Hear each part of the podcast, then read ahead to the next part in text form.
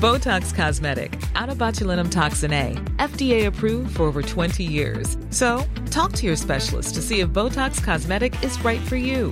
For full prescribing information, including boxed warning, visit BotoxCosmetic.com or call 877-351-0300. Remember to ask for Botox Cosmetic by name. To see for yourself and learn more, visit BotoxCosmetic.com. That's BotoxCosmetic.com.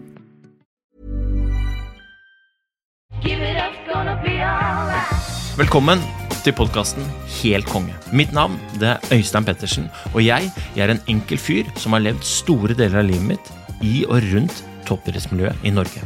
Og der, der har jeg hatt æren av å jobbe med og lære av noen av de råeste idrettsutøverne Norge noensinne har fostra. Og det har gjort meg lidenskapelig opptatt av hva er det som ligger bak det å få til noe.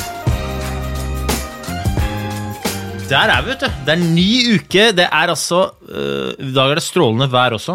Jeg har fått litt tilbakemeldinger på at jeg har for lange introer. Så i dag skal jeg kjøre en superkort intro, for jeg har med meg en fantastisk dame som heter Anja Hammerseng Edin. Altså en dame som jeg øh, traff første gang på en italiensk restaurant i Oslo. Eh, Hun fascinerte meg fra det øyeblikket hun kom inn døra. Hun har fortsatt å fascinere meg, og jeg er stor fan av deg, Anja. Det skal du vite.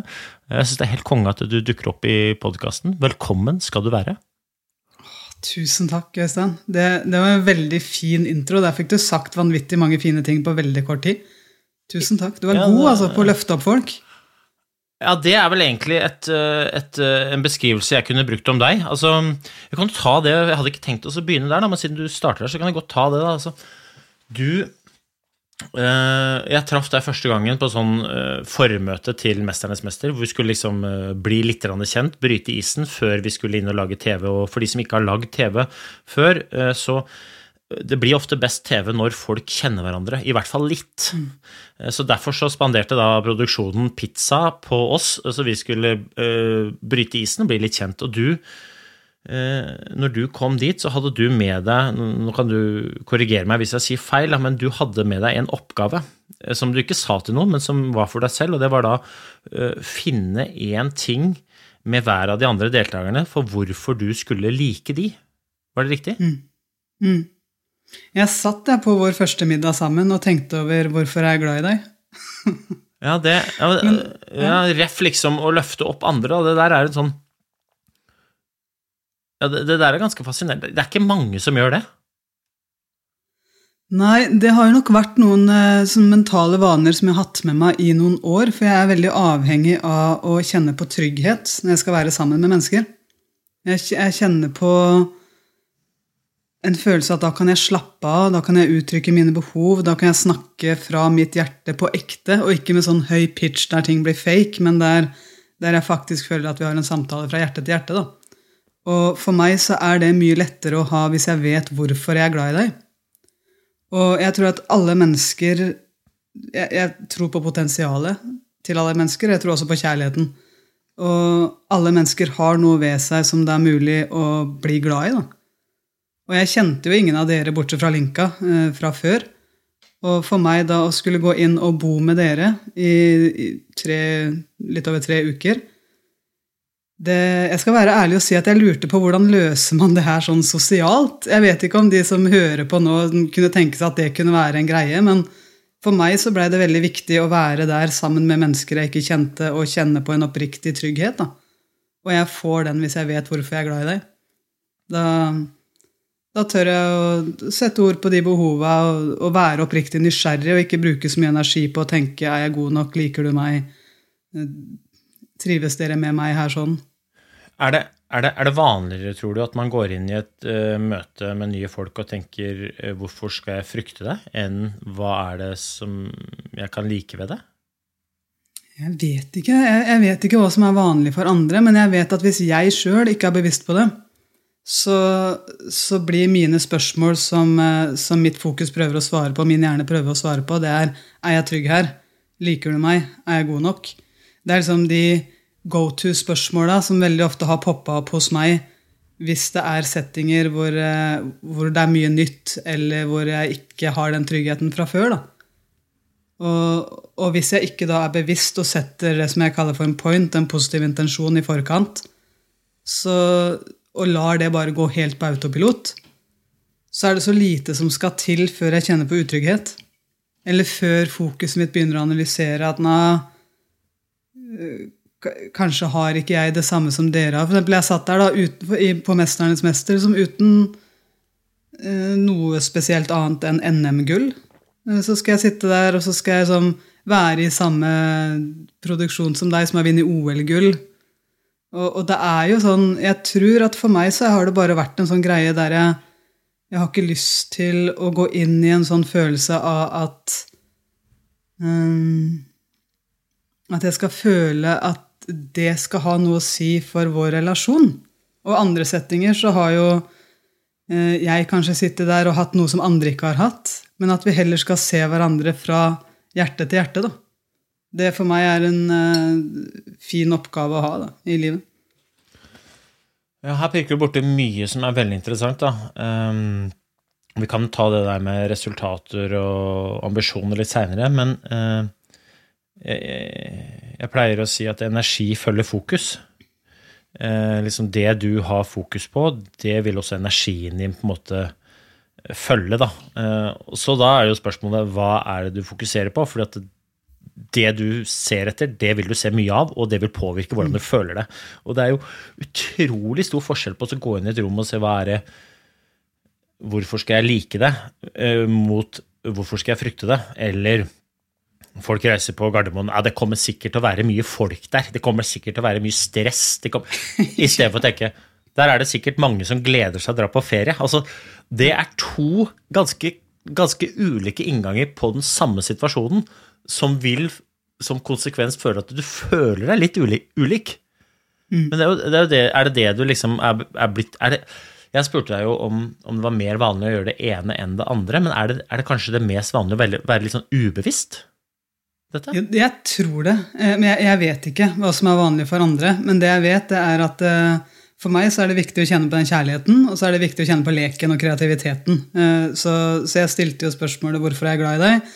Og så var det et annet spørsmål jeg også gjerne ville ha svar på, det er 'Hvorfor kom vi til å ha det gøy sammen?' Og, og for meg å få lov å sitte på Olivia med deg, Øystein, det er jo et eventyr. For, du, ja, men for meg, da, eh, der jeg følte at min mentale verden bare sa yes, yes, yes, yes, yes når du åpner munn, det er at du Alle mennesker har jo humor, men du har en sånn enorm visuell kraft. Du har en kjempekreativ eh, visuelt fokus, sånn at du klarer å snakke og skape bilder for meg som gjør at jeg er der, ja. Jeg er på de stedene som du forteller om, sammen med deg. Og, og blir med deg på tankegangen din og, og ser det for meg og kan le før du egentlig har smasha inn poenget. For det, jeg, jeg er der, og, og jeg elsker det med deg. Jeg syns det er så innmari gøy når du drar på med dine historier.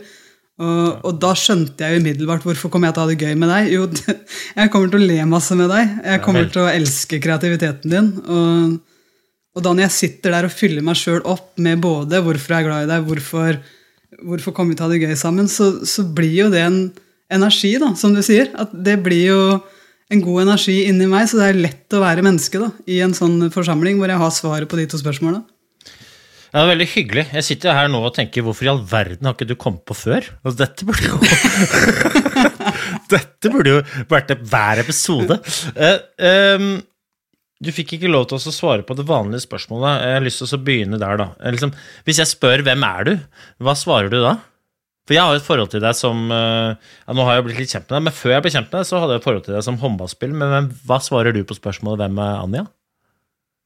Det kommer ikke an på kontekst.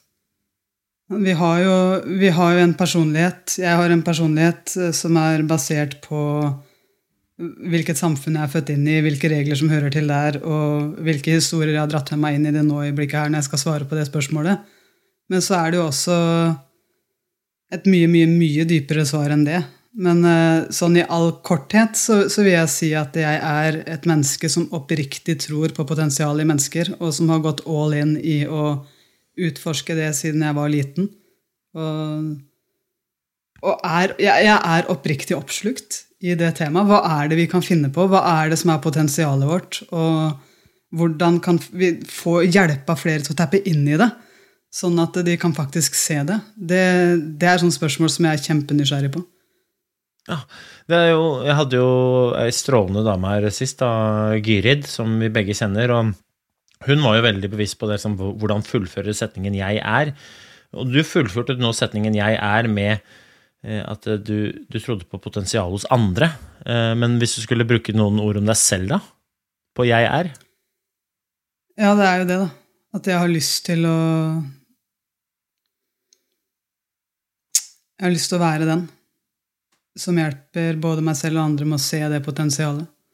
Men eh, nå kjenner jo jeg til Gyrid òg. Eh, eller altså, jeg har vært helt avhengig av Gyrid, la meg være ærlig, gjennom hele oppveksten, egentlig, og fått lov å være med meg på, på store oppturer og nedturer. Jeg, jeg er kjempetakknemlig for Gyrid. Hun, eh, hun og pappaen hennes er jo de jeg har kunnet ringe sant, på, på nødtelefonen når det har brent. Så, så jeg kjenner jo til hennes tankesett òg. Og nå vet jeg ikke hvor dypt du har lyst til å gå i, i den podkasten her, men jeg er, det er egentlig mer enn nok. Um, For da er du bevisst, mener du? ja. Ja. Hvem er det jeget som svarer på det? Ja. Hvem er det jeget som registrerer hva jeg tenker på? Hvem er det jeget som registrerer at jeg føler noe? Eh, For meg så er det jeget noe som er inni meg, noe som er på utsida av meg, og noe som connecter oss alle.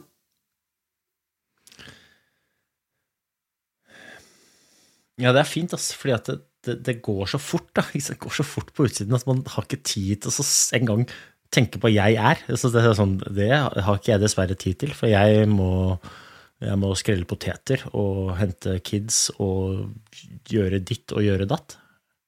Mm. Personligheten Øystein og navnet Øystein og vanene Øystein trenger å skrelle de potetene. Og, og bak alt det der så er det noe som bare er.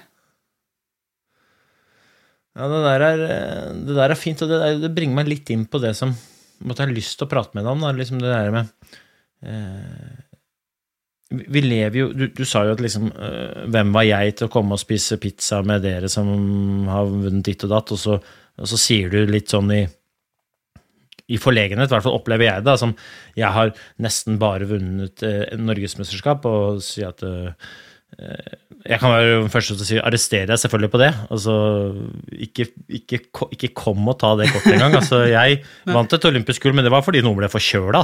Altså, helt ærlig.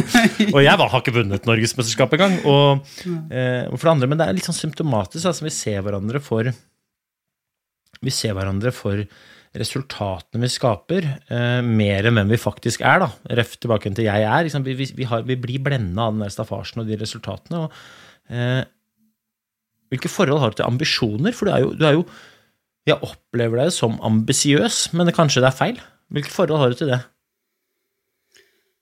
Åh, jeg er veldig Jeg vil beskrive meg sjøl som en som er veldig ambisiøs. Eh, veldig. Eh, jeg har en forhold til det som at eh, jeg, eh, jeg vet så godt at den jeg er nå, er et utgangspunkt for hvem jeg kommer til å være om fem år. Så, så jeg klarer å, å slippe Jeg er helt nødt for å gi slipp på eh, en del vaner, en del overbevisninger, en del eh, ting jeg gjør som kjæreste, en del ting jeg gjør som mamma, for så å kunne slippe til det nye. Og, og jeg er veldig ambisiøs i min egen personlige utvikling på, eh, ja, på veldig mange nivåer, egentlig, i livet. Og jeg, jeg tror veldig på det, samtidig som, som jeg er opptatt av å være her og nå sammen med deg i øyeblikket. Så, så tror jeg at det er noen energier som du refererte til i stad, som, som drar oss i den ene eller andre retningen. Og før jeg blei bevisst på det her, så, så var jeg jeg husker, jeg husker til og med øyeblikket jeg sto i VM og var så dønn til stede under nasjonalsangen. Sånn 100% helt oppslukt til stede. Helt fram til dommeren blåste i fløyta, så bare wow! Så vandra fokuset opp sant, i den mentale verden. Hvor, eh, hvor jeg begynte å tenke på ting som kanskje hadde skjedd. Minnene mine, og litt hva blir konsekvensen av det her? Fantasiene mine. Og det er første gang hvor jeg virkelig har kjent på det at jeg har et fokus, og fokuset mitt vandrer mellom her og nå, på banen, og opp i den mentale verden til enten fortid eller fremtid. Og siden den gangen så har jeg virkelig studert fokus og, og, og prøvd å forstå hvordan kan jeg bruke det her til min fordel. For den gangen blei det ikke en fordel. Den gangen blei det noe som holdt meg tilbake. Og, og derfor så ble jeg veldig nysgjerrig på hvis det er noe som kan holde meg tilbake, så har vi også en motsats, som det er i de aller fleste tilfeller i livet. Da. Og, og hva er den? Hva skjer når jeg bruker den mentale verden min til min fordel i nå-øyeblikket? Og det jeg ser nå, det er at eh, hvis hvis jeg har tenkt å være i konstant utvikling, noe jeg har, så, så trenger jeg å dra fremtiden inn i nå-øyeblikket. Og så trenger jeg å styrke min fortid. Og det betyr da f.eks. å reframe noen historier, eller finne en ny mening med gamle historier som kanskje holdt meg tilbake, og, og dra de også inn i nå-øyeblikket. For dette nå-øyeblikket, det er så lett å tenke at det her er bare her og nå. Men vi har med oss historien vår inn. Sånn at vi har med oss våre mentale vaner inn i det øyeblikket her. Så fortida vår er med. Og hvis ikke jeg er bevisst på det, hva er det jeg tar med meg inn i den samtalen her med deg? Hva er min fortid inn her sånn nå? Så, så vil jo det bare bli helt overlatt til tilfeldighetene. Men samtidig så, så, har det der med å hele tida sette meg mål som jeg skal nå i fremtiden, det har, jeg har hatt et litt sånn anstrengt forhold til. Eh, så jeg prøver heller da å dra min fremtidige meg inn her, i nå-øyeblikket. Hva er ambisjonene mine? Og hva, hvem trenger jeg å være nå, akkurat nå, for å komme meg dit? Eh, så, så for meg så er eh, det å dra fortid, fremtid inn her, i nå-øyeblikket, det, det er litt sånn jeg lever livet nå. Ja, jeg, jeg opplever deg som veldig ambisiøs, samtidig som jeg også opplever deg som veldig Eh, takknemlig, da. Og det, det, er egentlig litt sånn Jeg vet ikke om det er riktig å si at det er to motsetninger, men jeg tror nok at noen som hører det du sier, da, opplever det som et jag, ikke sant? De har med seg sin historie, og så hører de ja, jeg er på vei mot noe, jeg er det samme, jeg er også veldig sånn drevet av retning, liksom. Jeg må ha noe å strekke meg mot. Og så, så, så, så møter jeg mange ganger sånn motfor. Ja, men Faen, så utakknemlig du er, som ikke klarer å verdsette det du har. Og det må være veldig slitsomt å aldri føle at du kommer deg i mål. og Møter du det, og hvilke tanker har du rundt akkurat det? Uh, jeg, jeg, tror at, jeg har ikke møtt det, uh, og jeg tror at de som har de utsagna, de forstår ikke prosessen. For for meg så går det ikke an å være ambisiøs i forhold til Gro uten å være takknemlig for det jeg har. Det, det, går, altså det, det, er helt nødt for å, Takknemlighet det er helt nødt for å ligge i bunnen. Jeg har nå i snart et år kjørt livesending hver eneste tirsdag i vår app, hvor takknemlighet er i førersetet. Eh, hvor vi virkelig jobber med takknemlighet. For hvis, hvis ikke jeg klarer å være takknemlig for den jeg er, det jeg har akkurat nå, så vil det være som å, å lage kremkake med sand i bunn. så det det, det, vil ikke smake godt. da. Det, det, det, er som å skjære Hvis du har skåret løk noen gang, så skjærer du med en kniv. Og så etterpå så skal du bruke den samme kniven til å skjære opp banan og lage fruktsalat. liksom. Det, kommer til å smake løk. Så, så, med mindre du renser den kniven, med mindre du jobber med takknemligheten din for det du har, de relasjonene du har, det å være oppmerksom på hva er det som har skjedd i mitt liv nå de siste 24 timene, som jeg kan hvis jeg virkelig vil, velge å være takknemlig for. Eh, og, virkelig går inn og gjør den jobben og skriver det ned, eller går inn og kjenner det fysisk i kroppen, kjenner det på følelsene mine. Eh, hvis jeg, hvis jeg overser den jobben der, så, så, vil det for meg være et jag. For da vil jeg jakte en følelse som jeg ikke enda har. Og det er jeg ikke interessert i. Nei, det der er jo Takknemlighet er jo en følelse, men den må skapes gjennom også faktisk sette seg ned og se etter det aktivt. da, Igjen tilbake til liksom det, det tørre å gjøre det, da, så man ikke blir ubevisst i tingene. Går rundt og håper at man skal bli takknemlig. Det, sånn, ja, det er en veldig dårlig strategi. eller sånn, Det, det er veldig hyggelig hvis du får det til, men det er sånn, kan du ikke heller begynne å se etter det? For energi vil følge fokus, og du kommer til å kjenne det. Men hvis du har fokus på at det er et jag Du er helt nødt for å kjenne det. Og det er det som er så spennende med, med takknemlighet. Da, at Det er så mye forskning på det her nå, så det er mange som har begynt å jobbe med takknemlighet. Det er bare at de jobber med det på et logisk nivå. Ja, men dette, dette burde jeg være takknemlig for. Ja, nå har jeg to friske barn, og, og dette her er noe Skriv det ned. Det, det, får jeg bare være takknemlig for. Det funker jo ikke! Jeg skulle ønske jeg var takknemlig, liksom. Bare sånn, hva faen Ja, prater om? Ja, for... igjen, nå må jeg være takk. Men det som er så fint med, med å trene på takknemlighet, det å trene på stolthet, og ikke minst, mener jeg vi burde trene på, eh, å trene på de tinga, og faktisk gjøre det, ikke bare vite om det på et intellektuelt nivå, men faktisk ta det ned i kroppen din og trene det med den tilstanden du trenger å trene i, så, så er det jo også da rom for å ha ganske mye mer interessante smalltalker med mennesker rundt kaffemaskina på jobb. Ja, åssen går det? det går, Istedenfor bare sånn vanlig frase, liksom. Så jo, er der kan du bare bompe inn hva du er takknemlig for. Sånn som jeg kunne gjøre med deg i stad. Når du spør før vi går på her sånn, ja, hvordan går det? Jo, det går dritbra. Vi har hatt kjærestedag i dag. Det har vært helt stemning. Så det er jo det å være klar over det. Du kan bringe inn så deilig energi da, i alle samtaler når du begynner å leve det. Mm, og, og det er jo på et vis ambisiøst, samtidig som det, det er jo ikke det heller. Altså sånn jeg, tror det er ganske mange som tenker kjærestedag på en mandag, fy faen, det Det, det er ganske Det skulle ønske jeg også fikk til, liksom. Det, men det er jo Det handler jo bare om å en måte sette rammene, så er jeg veldig klar over at det er ikke alle som har muligheten til å, å ha kjærestedag på mandag, men, men alle har muligheten til å ha kjærestedag hvis du har en kjæreste.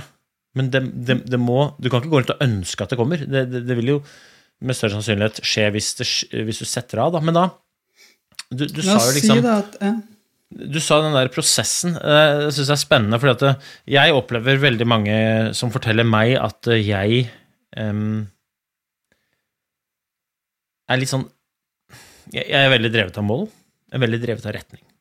Eh, Og jeg har lyst til å bli bedre. Jeg er ærlig på det. Ikke fordi at jeg tror jeg er dårlig, jeg tror jeg er ganske god. Eh, Men jeg har lyst til å bli bedre.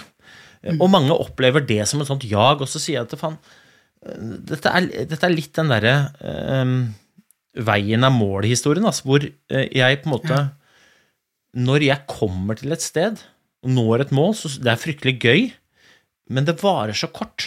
Eh, og det blir en slags sånn tomhetsfølelse. Det jeg liker, det er jo å være i stand til å få til. Jeg, jeg, jeg liker liksom veien mot det målet, litt fordi at det, målet er noe jeg bryr meg om å klare, men òg fordi at når jeg gjør jobben, så nærmer jeg meg. Og så bruker jeg så altså Hvis må se på tidsperspektivet altså, Tenk deg hvor mye tid du bruker på å være i stand til å klare, målt mot tiden du er ved målet. Altså nå, eh, for å bruke bare en, et enkelt bilde på det, Mount Everest, da. Jeg har aldri vært på Mount Everest, men det, jeg er ganske trygg på at samtlige som kommer til Mount Everest, bruker lengre tid på å komme dit enn de tilbringer på toppen. Og hvis du skal hate hvert eneste skritt på vei til Mount Everest, altså alle forberedelsene, men du bare gleder deg så sinnssykt, så tror jeg du kommer til å ende opp skuffa.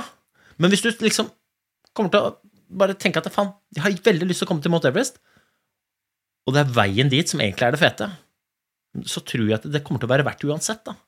Er det ikke, er det ikke litt sånn? Jo, jeg, jeg syns jo det er spennende å høre deg altså Hele bildet for meg nå til de som lytter, det er at jeg hører Øystein si de orda samtidig som jeg kan se genseren din, Øystein. Og du, der står det jo 'lag en god dag'. Og, og det er jo litt av den greia, da. At vi eh, vi kan velge å designe det, og vi er så lite klar over det. Fordi at vi blir født inn i et samfunn som forteller oss hvordan man skal være en samfunnsborger i det samfunnet her. Det er veldig få som utfordrer det sånn at de kan ha kjærestedager på en mandag.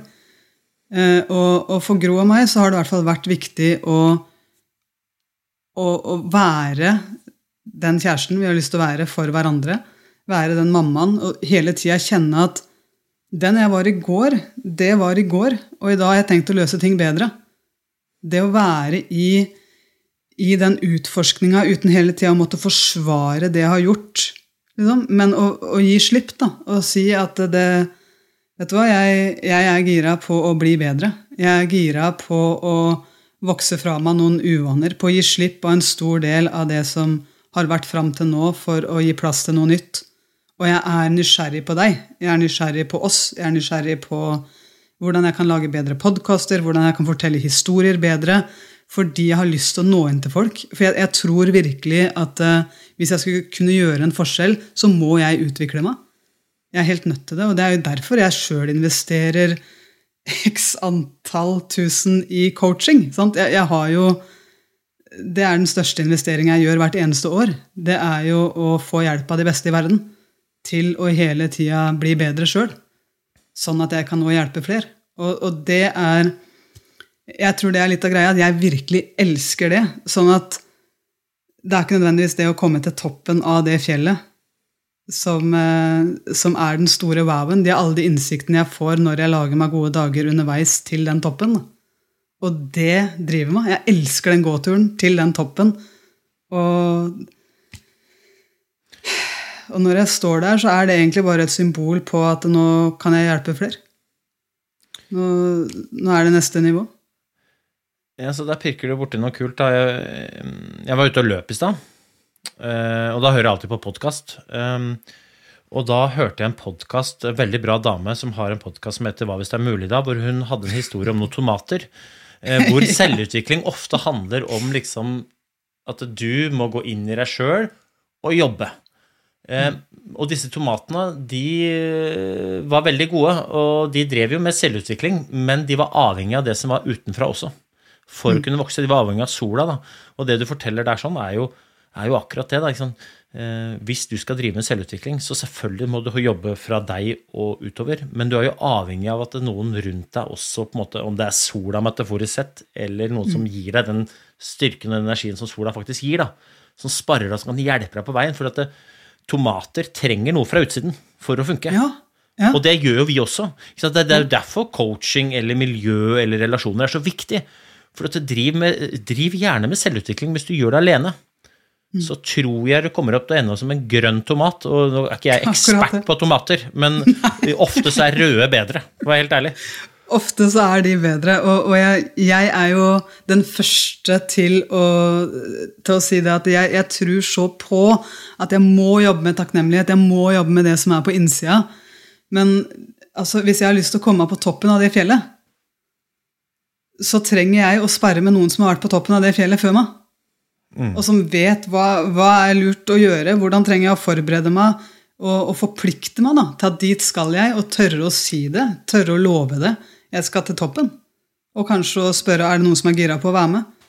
Uh, og, og for meg så har det vært jeg, jeg, jeg var jo en av de som blei sett på som kanskje en av de beste i Norge da, i håndball. I, altså i norsk serie, Hvis du ser bort fra Larvik håndballklubb, eh, som var de beste i verden Når jeg spilte i Storhamar og Gjerpen og alle de andre lagene mine, så var jeg som en av de som var de beste under de beste. Så de nest beste. Og i det øyeblikket jeg forplikta meg i det øyeblikket jeg, jeg ga en så enormt stor forpliktelse at jeg skrev under en kontrakt med Larvik håndballklubb med mennesker som var så mye bedre enn meg, så gikk jeg fra å være på et ok nasjonalt nivå til å daglig trene med de som var på verdens beste nivå. Og det for meg, det er en sterk sol. Sant? Det å tørre å gjøre den forpliktelsen, det å tørre da å plassere meg selv fysisk i det miljøet, det, det gjør jo at den veien til toppen blir trygg. Og, og omringa av mennesker som vet hva de driver med. Og det løfta meg. Fram til det tidspunktet så hadde jeg sett Larvik håndballklubb på TV, studert de på video, studert hvordan de gjør ulike systemer og trekk. Men eh, det er et helt annet ballgame i det øyeblikket du forplikter deg og gjennomfører sammen med mennesker som kan mer. Som f.eks. jeg gjorde med Larvik, eh, som jeg gjør med coachinga. Eh, og, det å faktisk gjennomføre det, det, det gjør jo at du kan bli en skikkelig god rød tomat. da. Saftig stor rød, Saftig stor rød tomat. Nå skal det ikke alle som liker tomater, men sånn helt ærlig, de fleste har vel lyst til å være en, en, en dritbra tomat, ikke en, en sånn grønne, men ehm, Ja, altså ordet forpliktelse, da. Eh, Det er jo sånn Det høres jo veldig hardt ut. Det høres jo veldig ambisiøst ut. Eh, er- jeg tror ikke det er så mange som helt ærlig tør å forplikte seg, i frykt for at ikke de klarer, og så ender man opp med å da på en måte en, kanskje ikke jobbe innenfra og ut, og heller ikke ta imot, eh, ta imot eh, måte feedback og inspirasjon og, og solenergi fra de rundt. da. Man, måte, man, man tør ikke å ta det der siste steget, og så ender man opp med å, å gjøre det helt greit. Og det er, ikke noe, det, er ikke noe, det er ikke noe feil i det, men sånn, det er en kjedelig historie å fortelle på slutten. Og at jeg, det gikk helt greit. Jeg, jeg, jeg forplikta meg ikke til noe. Jeg gjorde ditt, jeg gjorde datt. Og, altså, hvis man tenker tilbake da, på de historiene man aller helst hører om Samtlige av de historiene er jo om folk som har forplikta seg til noe. Og det, kan være det ene kan være det. Vet du, Jeg lar meg inspirere av alle som, som, bare, som bare forplikter seg til noe, som gjennomfører. Og det er ikke langt ifra alle som klarer. Men, men samtlige gjennomfører, og jeg er jo mer interessert i å høre historien om hva de gjorde for å få til, enn hvordan var det når du kom dit. Mm. Men den der forpliktelsesdelen, altså være, være til stede, være, være litt sånn brutal og være litt sånn ærlig, si faen. Jeg signerer her. Jeg skal gi deg hånda Ja. på dette. Jeg ser deg i øya. Dette gjør vi. Og så får det stå sin prøve, men dette skal vi gjøre skikkelig. Ja. Det der, Jeg, jeg tror det, og jeg, jeg er litt nysgjerrig på hva du tenker i forhold til la oss si barna våre. da. Eh, Hva, hvor, hvor mye tør vi egentlig å, å forplikte oss, og også forplikte de? Sant? Hva, jeg jeg synes den der er, jeg tror at vi er i ferd med å skape et samfunn der vi er så redde for å forplikte oss at, at vi kan bare gi slipp på alt vi starter i frykt for å mislykkes. Og, og jeg tror vi òg trenger å komme dit at vet du hva, når du har sagt ja til noe, da er det en forventning. Da er det en forpliktelse. Og, og den ja, er noe god. som jeg Ja, ja men den syns jeg er spennende i forhold til ja, men, vet du, ja barneoppdragelse. Altså, vi, vi, vi har skapt et samfunn hvor eh, det å ikke få til er noe av det verste. Det er ingen som ikke liker å ikke få til. Eh, men hvis du ikke liker å ikke få til, da må du slutte å være ambisiøs. Fordi det å være ambisiøs handler om å ikke få til nok ganger til at du får til ting du ikke kan enda. Altså, Du, ved å si 'jeg liker ikke å ikke klare', så kommer du til å aldri gidde å gjøre de tingene du vet du ikke klarer, fordi du har ikke øvd noe på det, og så kommer du til å frata deg muligheten til å klare det i framtida. Og da blir man jo stående på stedet hvil. Så kan man godt snakke om at jeg skulle ønske at ditt, og jeg skulle ønske ditt, jeg burde kanskje, skulle kanskje gjort, men, men du har tapt. Så hvis ikke du tåler å feile, ja, men da kommer du heller aldri å oppleve å klare det, er det, det er det læring dreier seg om. Men vi har skapt det samfunnet, også denne forpliktelsen. I går, jeg har en datter, hun er 11, hun, hun, hun sliter med forpliktelser. Begrepet Og det kan godt hende at jeg eh, har helt sikkert eh, min del av ansvaret for det, men i går så ble vi enige om at eh, hun eh, Jeg skulle gå og hente et håndkle, jeg skulle dusje. Og så ble, skulle jeg gå og hente et håndkle, så sa jeg greit, eh, jeg skal gjøre det nå. Men jeg, den uka som kommer nå, så, så ønsker jeg at du er med meg og bidrar litt. Det er ikke noen store ting, men du skal annet ta ut matpakka av sekken når du kommer hjem fra skolen. Og nå skal du forplikte deg til det gjennom det aller enkleste, men også viktigste eh, grepet. Nå skal du ta meg i hånda. Nå skal du se meg i øya, og så skal vi bli enige om at dette gjør vi. Og hvis du gjør det, så skal jeg belønne deg. Men avtalen skrives ikke på papir, men den er gjennom det håndavtrykket. Og det å, det å gi det håndtrykket til hverandre og se hverandre i øyet, det er en sånn slags sånn veldig mild form for forpliktelser som egentlig vi glemmer litt i hverdagen, men som betyr så innmari mye. Jeg tar deg hånda på det. Åh, den er sterk. Den, den er så innmari sterk. Den, eh, den minner meg veldig om LeBron James, NBA-spilleren, som, eh, som har laga I Promise School for unger. Da. For han var, han var fra et sted hvor han, han hadde en pappa som var inn og ut av fengsel. Og likevel så har han da kommet seg gjennom ungdomsåra og vokste opp i egentlig helt forferdelige kår men fikk da hjelp av eh, treneren sin, fikk lov å bo hos treneren sin. Og da ser at han er avhengig av den sola på utsida. Sant? Han er helt avhengig av noen mennesker som, som gir noe. Og, og når han nå fikk eh, prisen for at han han er den i NBA som har scora flest mål gjennom tidene, så, så står han der med et I Promise-armbånd. Fordi han lover at han skal være en god rollemodell på og utenfor banen. For barna som går på hans skole. Og de barna de sitter og ser på intervjuet med han etter den kampen hvor han har blitt mestskårende gjennom tidene, og han står der med I promise.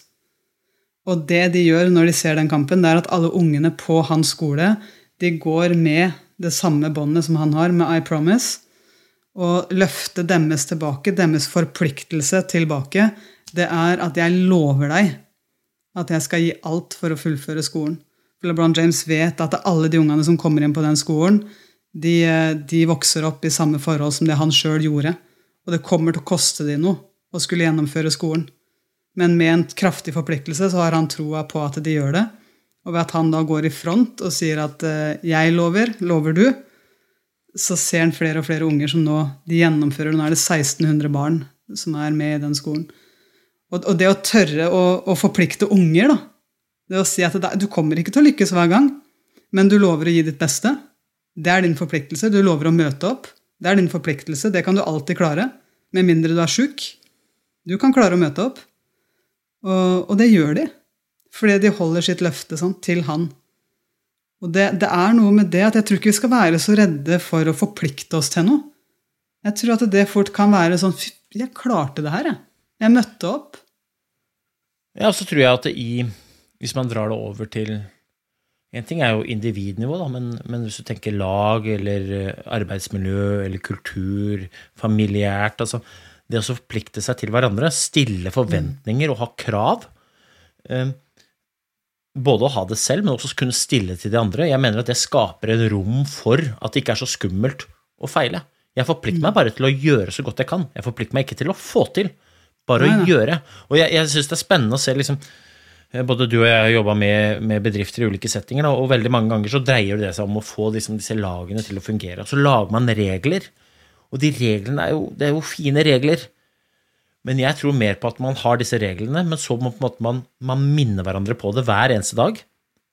Gjennom om det er et håndtrykk, eller om det er et nikk, eller om det er et blikk, eller det er som du ser typisk på en håndballbane, liksom laget står samla rundt. Mm. Dere har timeout, ikke sant? og så står dere sammen rundt, og så før timeouten er ferdig, og dere går ut igjen og spiller, så roper dere verdiene deres. Nå husker jeg, Er det BIRF?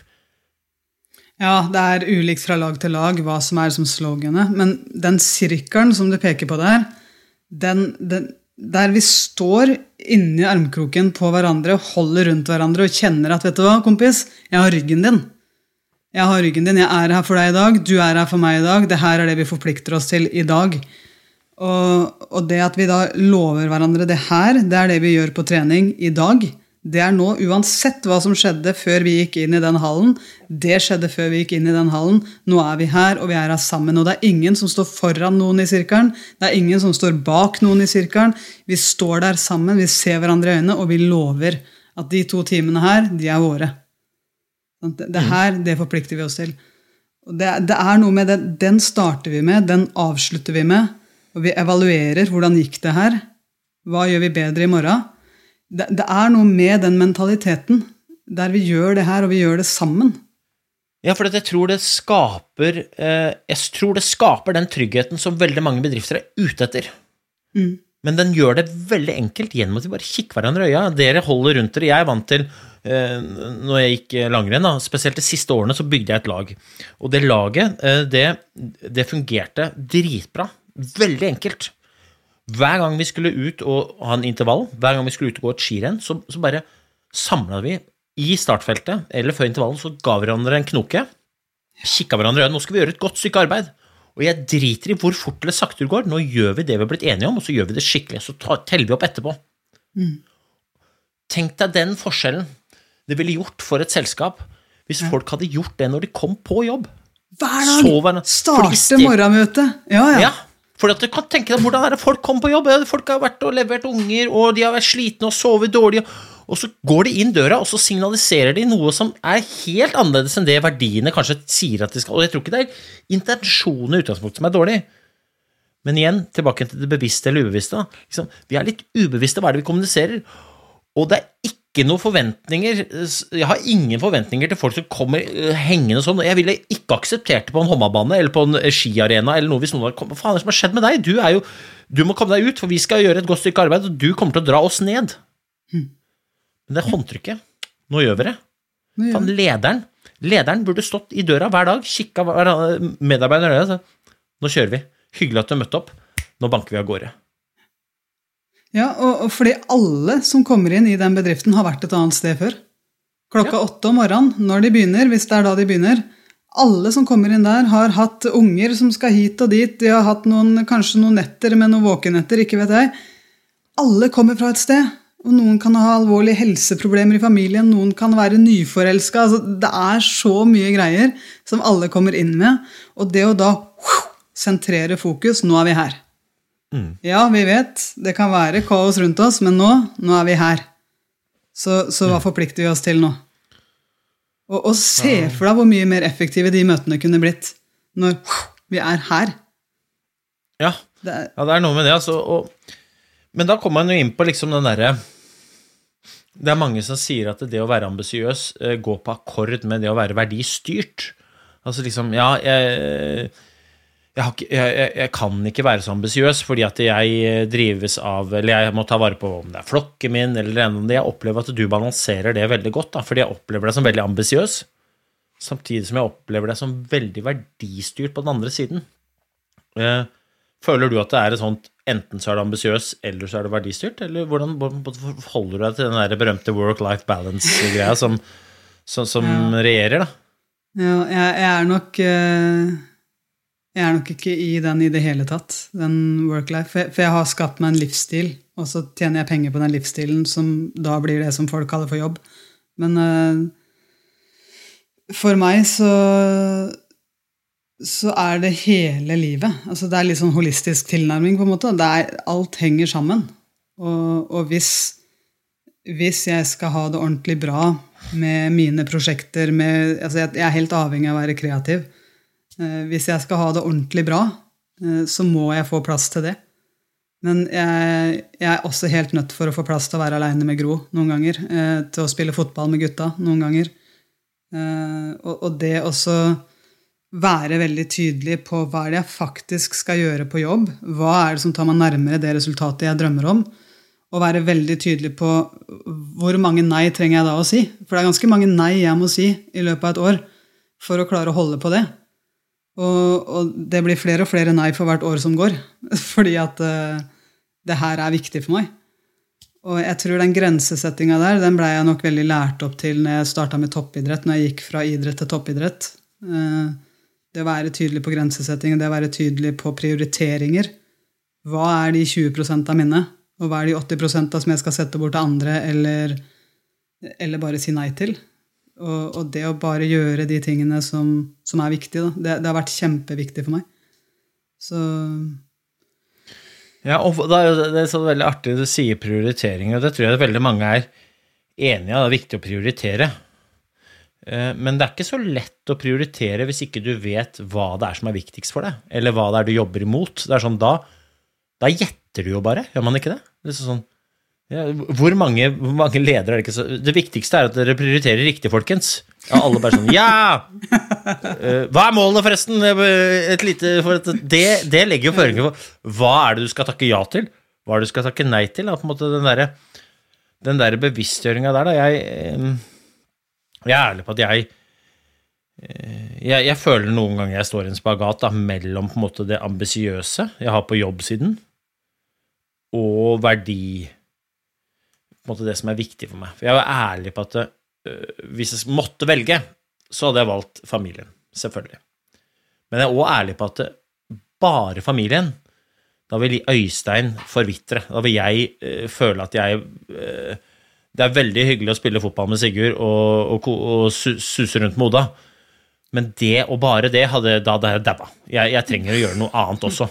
Eh, og på en måte, jeg, jeg opplever den der balansen der som, som litt sånn vanskelig, men igjen tilbake til forpliktelser. Da. Liksom, det å være tydelig på hva er det jeg trenger, og hva er det jeg lover dere å gi dere hvis jeg har dekka mine behov. Mm. Den, den balansegangen, den, den oppleves som viktig, da. Og jeg tror jeg blir bedre på det for, hvert eneste, for hver eneste dag og uke som går, fordi at jeg har blitt flink til å stille spørsmålet hva er det dere trenger? og være tydelig på hva er det jeg trenger. Og grunnen til at jeg stiller spørsmålet hva er det dere trenger først, er for at da kan jeg lettere høre deres agenda og deres plan, og så kan jeg putte inn mine behov der hvor det ikke går på akkord med deres. Stiller du jo spørsmålet til barna dine? Ja, jeg gjør det. Jeg syns det er så innmari bra gjort. fordi tenk så mange som er voksne i dag, og som aldri har tenkt over hva er det jeg trenger. Og som aldri har trent seg sjøl opp i å formidle men hva er det jeg trenger, faktisk. da. Jeg, jeg, tror, jeg, tror eh, En ting er at de ikke har stilt spørsmål, men jeg tror de eh, ikke, ikke har tid til å kjenne etter heller. Jeg tror det er jævla mange som føler at de lever i servicebransjen. Og, og det, det, det er jo en del av foreldrerollen, det er jeg veldig klar over, men ikke la foreldrerollen bli så opp, oppslukende at du ender opp med å være utslettende. da. Det å sette av tid til å dekke sine egne behov er jo en forutsetning for å kunne ha noe å gi til kidsa. Da. Liksom, Og da er man litt inne på bærekraftspørsmålet. altså. Det er veldig mange som lever Bærekraft er et, et sånt begrep som Det er jo på alles lepper. Eh, Så hørte jeg en fin definisjon på det, for det er ikke så mange som forteller liksom, hva er bærekraft. Det var en som sa det at bærekraft er jo egentlig kraft til å bære over tid. Og hvis du ser på din hverdag, så er det jo belastning vi må snakke om her. Har du kraft til å bære den belastninga du har hver dag, i lang tid fremover? Og hvis svaret er ja, herlig, fortsett. Hvis svaret er mm, eller nei, stopp opp. For du kommer til å bryte sammen. Og dette vet vi jo. Men dæven, jeg tror det er mange som ikke har bærekraftige hverdager, da. nettopp fordi det du sier, da. Hva er det jeg trenger? Så tror jeg det handler litt om tillit. Eh, hvilken tillit har jeg til at andre mennesker kan, eh, kan ta ansvar sjøl òg? altså, noe så enkelt som eh, å ha tillit til at ungen min klarer å ta på seg skoene sine sjøl. altså, ungen min klarer å kle på seg sjøl. Det å ha tillit til at eh, andre fikser ting. Jeg lager f.eks. en podkast, Walk the Talk, eh, hvor jeg har litt sånn gående jeg, jeg vil gjerne at folk skal bevege seg, og, og det er mitt svar på det. Sånn at jeg lager da podkast med musikk og spørsmål og sånn. Eh, hadde det vært bærekraftig av meg å lage den sjøl? Overhodet ikke. For jeg bruker såpass lang tid på å da finne den rette musikken, downloade den, mikse podkasten, og at alt skal matche og sånn. Så, så da må jeg ha tillit til at noen andre kan gjøre den jobben bedre enn meg. Og så må jeg sette bort det. Jeg leser inn podkasten, jeg finner temaene, jeg lager spørsmåla, men en annen mikser den, en annen eh, legger på musikken og adder alle de effektene som jeg er avhengig av å ha på den podkasten. En annen som har den spisskompetansen som jeg ikke har. Og jeg syns det er interessant å se etter det da, hos mennesker. Når jeg ser mennesker og tenker som Hva er du god på? Hva er din spisskompetanse? For, for i det øyeblikket jeg ser det, så kan jeg også se Da kan jeg ha tillit til at du gjør det. Og så kan jeg ha tillit til at jeg kan gi slipp. Og det for meg, det, det å kanskje gi slipp på den kontrollen, da, det tror jeg er en øvelse som veldig mange kan gå, som vi alle kan gå, eh, ganske mange runder av i løpet av et år. Hvor mye kontroll holder jeg fast i, og hva kan jeg egentlig gi slipp på hvis jeg virkelig vil? Hva handler det om, egentlig? At vi ikke har lyst til å slippe til andre? Altså, Hvordan er det man skaper den tilliten? Hvordan er det på en måte man, Hva handler det der om? Jeg, jeg vet ikke. Eh, Jeg husker veldig godt mitt første møte med hvor kontrollfrik jeg faktisk er. Eh, Det var når jeg satt på Jeg var på ti dager i stillhet etter at jeg la opp med håndball. For å gå ordentlig dypt i hvem er jeg egentlig, og, og hva blir mine prioriteringer. da. Og da mediterte vi jo ti timer om dagen i de ti dagene. Og en av de dagene så visste jeg at det her er dagen hvor Gro skal kjøre til Sverige til en venninne. Og i de meditasjonene den dagen der sånn, så jeg var så stressa, jeg hadde så mye uro, og jeg, jeg fikk et sånt inderlig behov om å ringe Gro. Og, og grunnen viste det seg å være For jeg måtte sånn gå dypt og tenke hva handler det om? Hvorfor må jeg ringe hun? Hvorfor har jeg så kontrollbehov for å prate med hun nå? Og da handler jo det om at det var Gro som skulle kjøre. Jeg pleier jo å kjøre, men nå skulle Gro kjøre helt til Sverige, så jeg måtte jo ringe hun og si 'kjør pent'. Som om hun ikke visste det sjøl. Altså, hvor idiot går det an å være? liksom? Jeg, jeg vet jo at dama kan kjøre bil, men jeg hadde bare sånn Alt knøt seg, det blei så vanskelig for meg.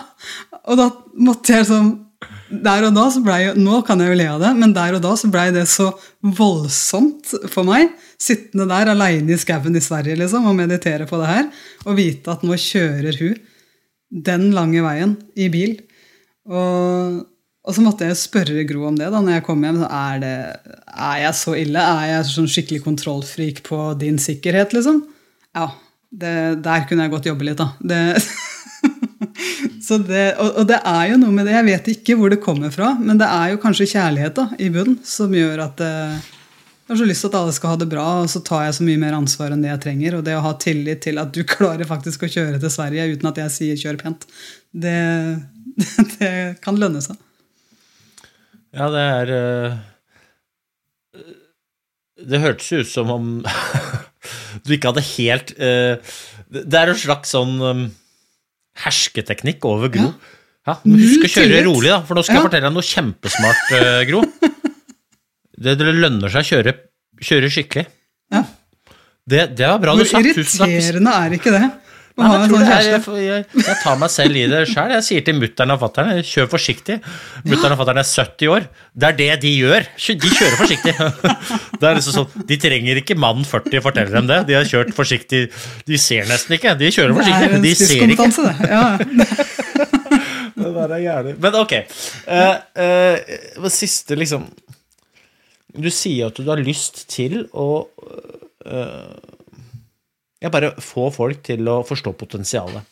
Mm. Jeg har lyst til å bidra til det. Og, um, jeg anbefaler alle sammen å høre på podkasten din. Jeg hører på den eh, stort sett når jeg løper.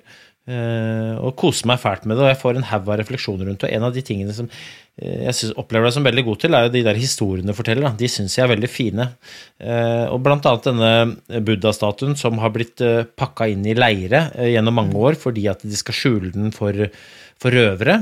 Eh, og så ender det opp med at den buddha-statuen i gull blir stående som en leireklump eh, i mange år, før de til slutt finner ut at det er gull på innsiden. Og så bruker du det som et metafor på at eh, alle sammen har jo, har jo noe gull på innsida. Men det kan godt hende at det er noe lag med leire der ute.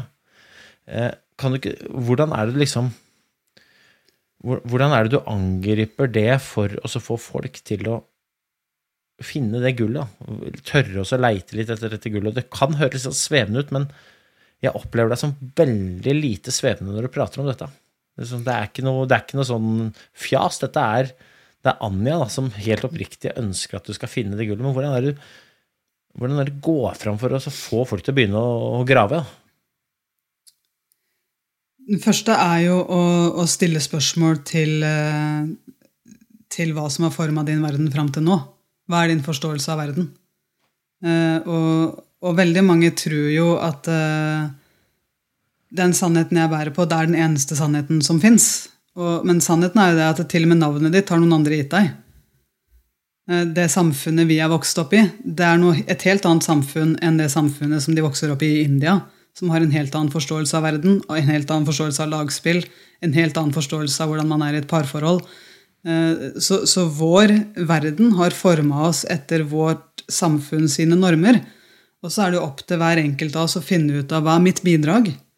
Hva, er det jeg skal bidra med? Ikke bare hva er det jeg skal lære sånn at jeg skal bli forma som en som passer inn i den firkanten her, men hvis det kommer fra meg istedenfor til meg, hva er det jeg skal bidra med her sånn?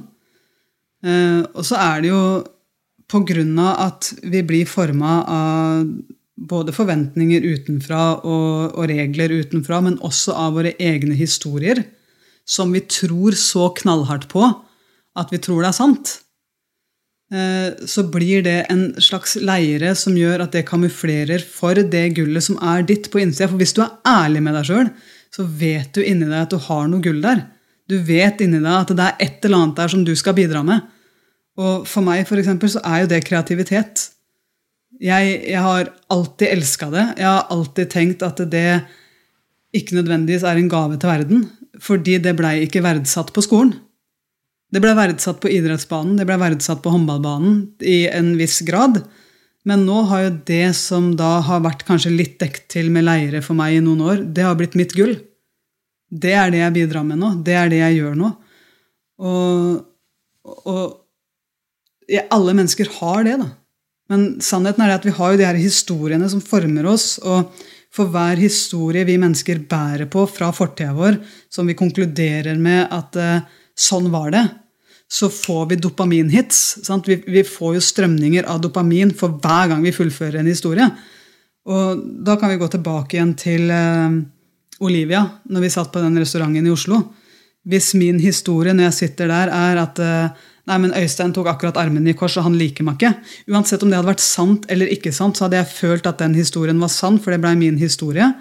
Og så hadde jeg fått en eller annen sånn følelse av dopamin, et sånt ordentlig deilig rush gjennom kroppen på at eh, ah, det var godt. Jeg hadde fått en lettelse inni meg, jeg hadde fått en glede inni meg av at jeg hadde fullført historien min, sånn at den stemte for meg.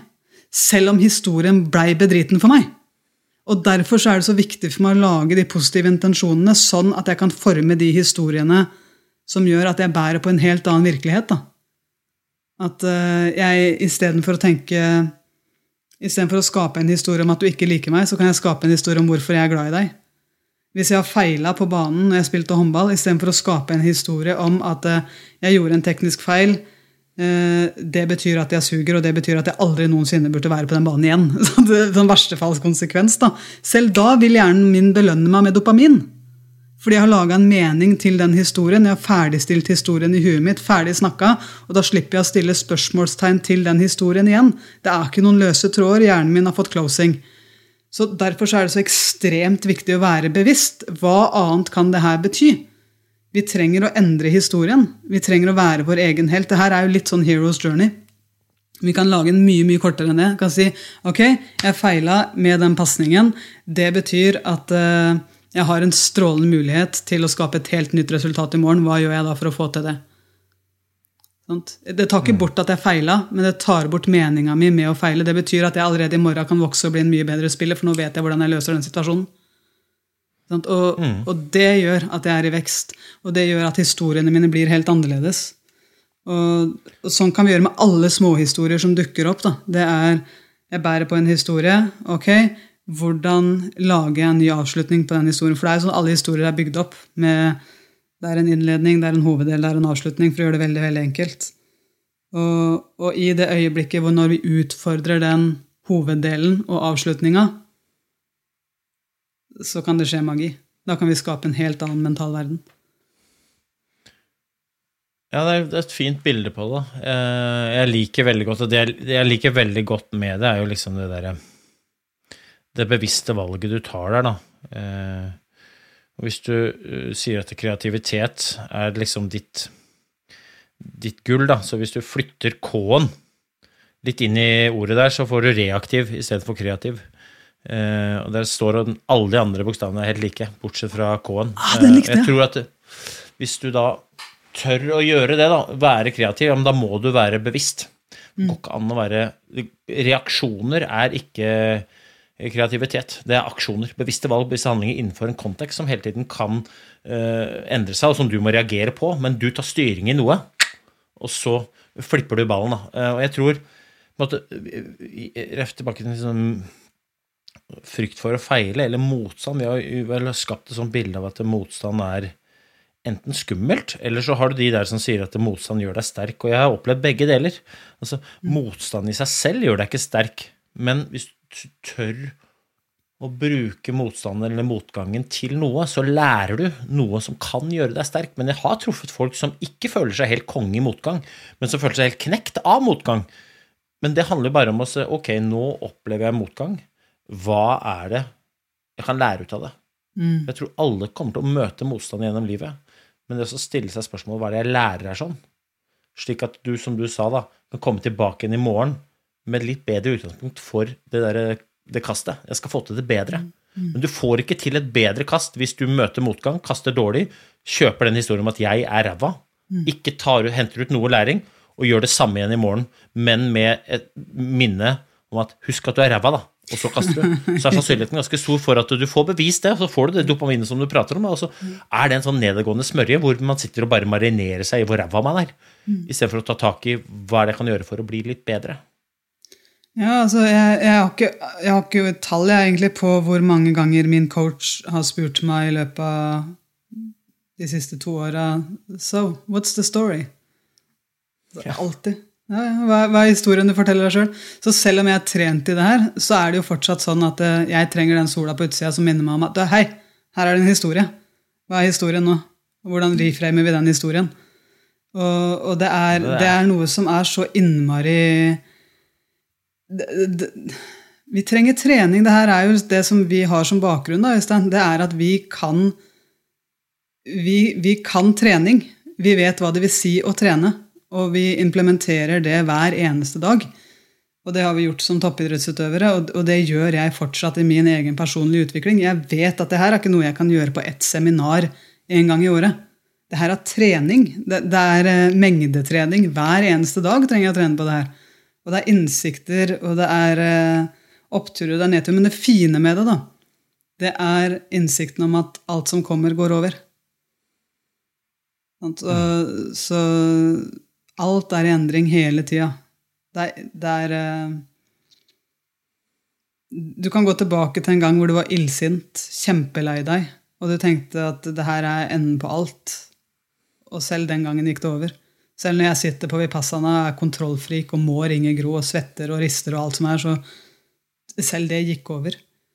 Alt som kommer, går over. Og når du innser det, så vil du også ta bort litt av presset i nå-situasjonen. Fordi at jeg vet at det er intenst nå, og jeg vet også at alt som kommer, går over. Det er en nydelig, er en nydelig avslutning. Altså, jeg ber lytteren, uansett hvem du er, hva du driver med, hvor du er, og hva du holder på med akkurat når du lytter, men svar på spørsmålet som Anna nettopp stilte. Hva er historien din, liksom? Hva er det du forteller deg sjæl? Og hva er det du kan gjøre for å forandre den? Ikke fordi den er dårlig i utgangspunktet, men fordi at jeg tror det går an å gjøre det bedre. og det eh, Anja sitter her med T-skjorte 'Hva hvis det er mulig', da? Jeg sitter her med 'Lag en god dag', og Anja før vi gikk på sa 'Lag en god dag'. Hva hvis det er mulig, da? Hva er historien din?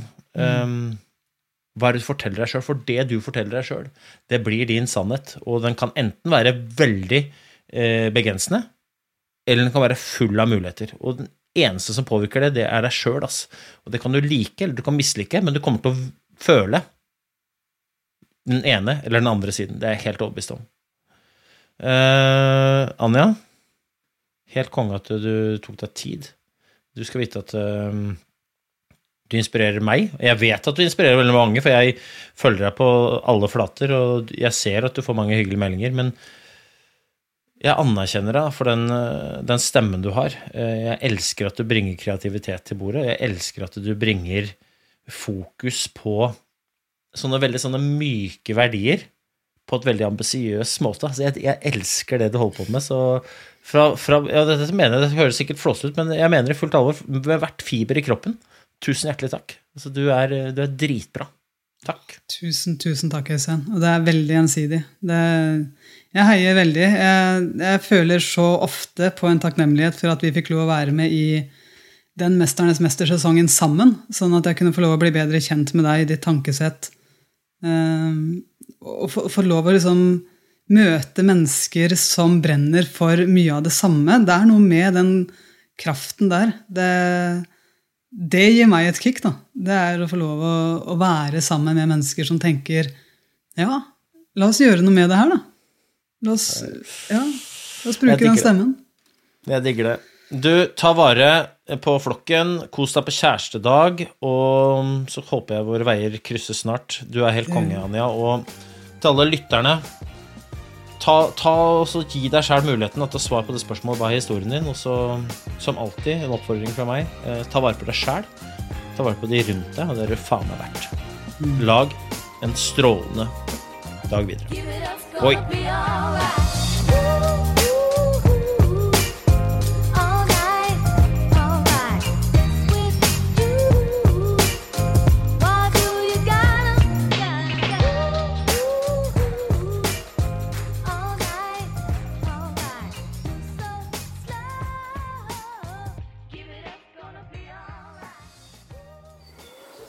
Gode dager.